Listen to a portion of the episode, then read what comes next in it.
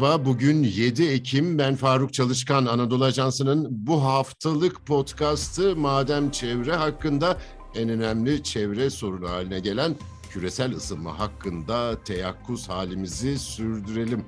İklim kaosu dört nala ilerlerken dünya ölüm kalım mücadelesi içinde.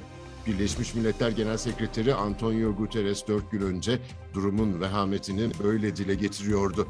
Birleşmiş Milletler yeni bir uluslararası iklim konferansına hazırlanıyor. Mısır'da yapılacak toplantının adı COP27 yani Birleşmiş Milletler İklim Değişikliği Taraflar Arası Konferansı'nın 27.si.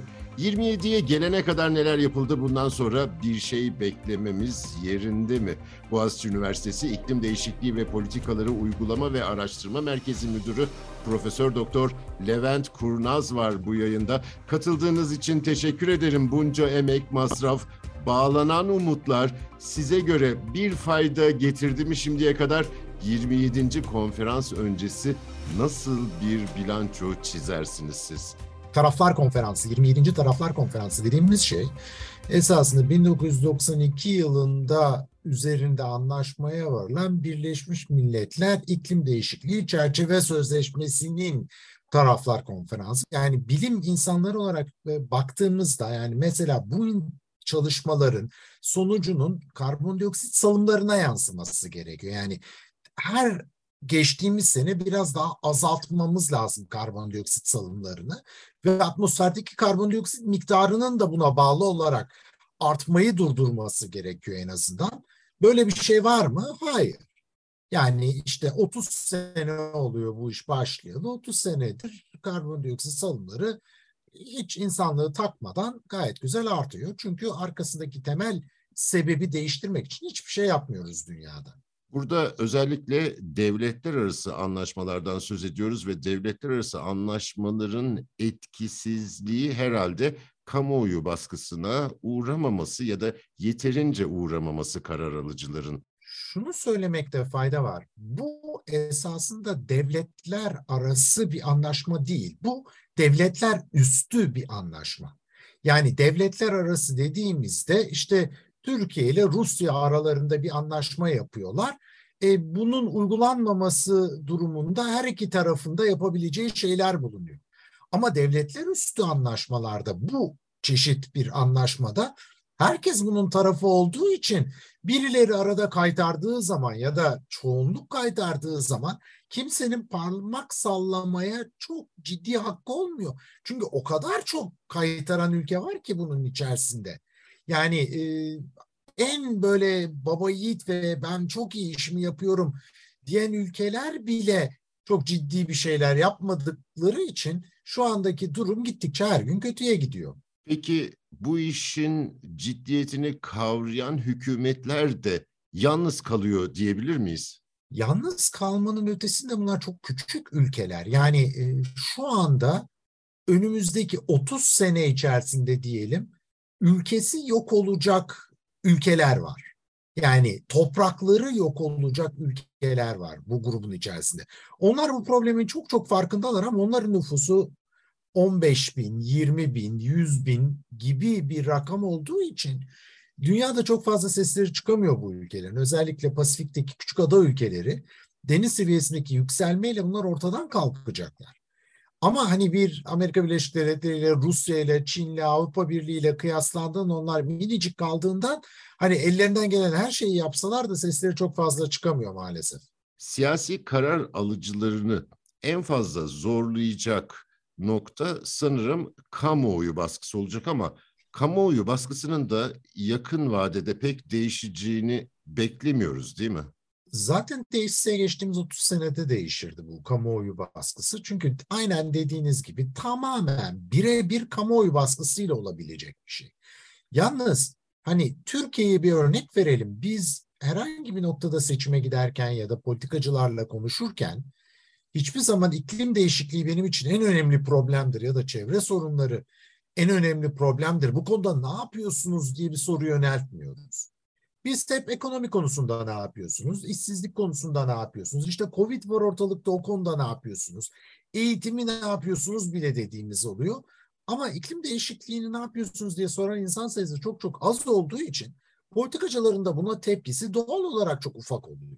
Yani bu sadece Türkiye değil, dünyanın neredeyse büyük çoğunluğu için geçerli. Durum böyle olduğunda da tabii politikacılar kendi üstlerinde çok ciddi bir baskı hissetmiyorlar.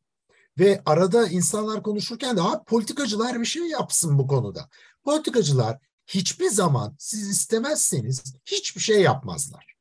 Yani politikacıların yaptığı iş bizim onlardan bir şey istememize dayanır. Biz de iklim değişikliğini bir görev olarak biçmiyorsak politikacıları, politikacılar yani yapıyormuş gibi görünebilirler ama çok ciddi almazlar o konuyu. Diğer konularla kıyaslandığında. Burada e, suçlu biziz demeyeyim ama bizim buna çok çok daha ciddi e, yüklenmemiz ve önem vermemiz gerekiyor ki politikacılar da aynı önemi göstersinler. 27. konferans daha başlamadan epeyce medya malzemesi üretmiş görünüyor. Dönem başkanlığını yapan Mısır'ın ev sahibi olması. Toplantıya bir plastik kirleticisi olarak görülen şirketin sponsor olması, Britanya hükümetinin Kral Charles'ın katılımını engellemesi gibi konular öne çıktı. Peki iklim krizine karşı siz bu toplantıdan ne beklersiniz bu koşullarda? Hiçbir şey. Yani en kısa cevabı bu. Şimdiye kadarki 26 toplantıdan nasıl hiçbir şey çıkmadıysa 27.den de hiçbir şey çıkmayacak. İnsanlar gidecekler, orada kendilerini gösterecekler. Ee, büyük konuşmalar yapılacak, bir takım şeylere karar vermeye çalışılacak ve hiçbir şeye karar verilemeyecek. Herkes geri dönecek evine. Yani daha fazla bir şey beklemenin e, anlamı yok bu toplantıdan. Çünkü Şimdi biliyorsunuz bir önceki 26. toplantı İngiltere'de, daha doğrusu İskoçya'da, Glasgow'da yapıldı. Ve İngiltere e, hükümeti bu toplantıya çok önem verdi. Toplantı öncesinde çok büyük e, vaatlerde bulundu. Bütün bu iklim değişikliği konusunda neler yapacağına dair.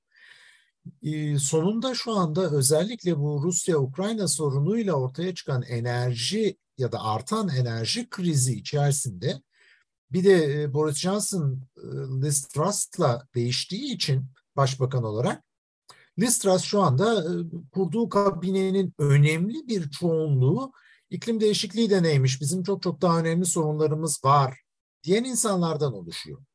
Ve bu insanların doğal olarak ortadaki problemleri şu anda bu kışı geçirebilmek çünkü enerji yok.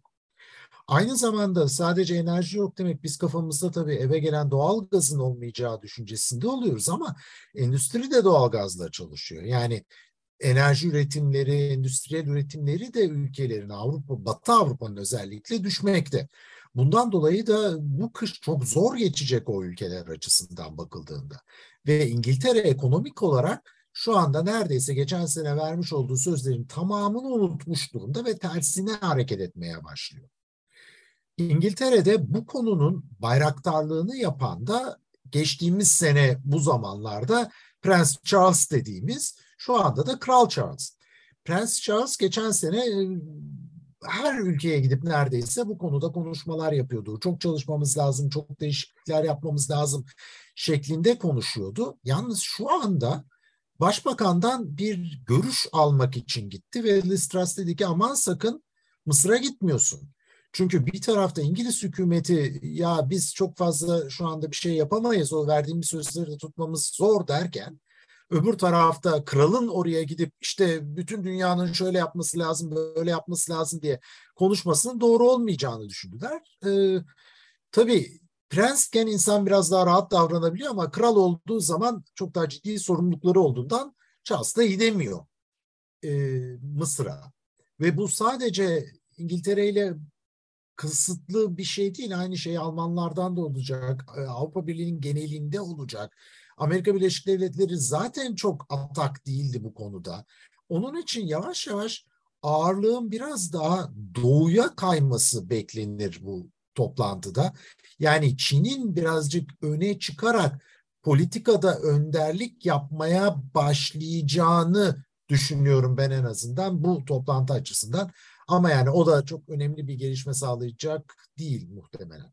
30 yılda çok az insan e, iklim değişikliğine ikna olmuş durumda ama ondan çok daha gürültü çıkaran ve aslında iklim değişikliği diye bir şey olmadığını ve bunun tamamıyla insanları kontrol etmek için bir komplo senaryosu olduğunu ileri süren insanlar giderek daha fazla göze çarpıyor.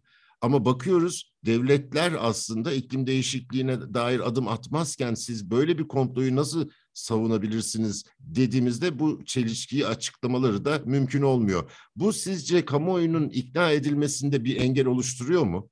Şöyle bir şey söyleyeyim. Ülkemizin çok güzel bir özelliği var. Bizde o kadar fazla komplo teorisi var ki bu tür garip komplo teorilerine gerek kalmıyor.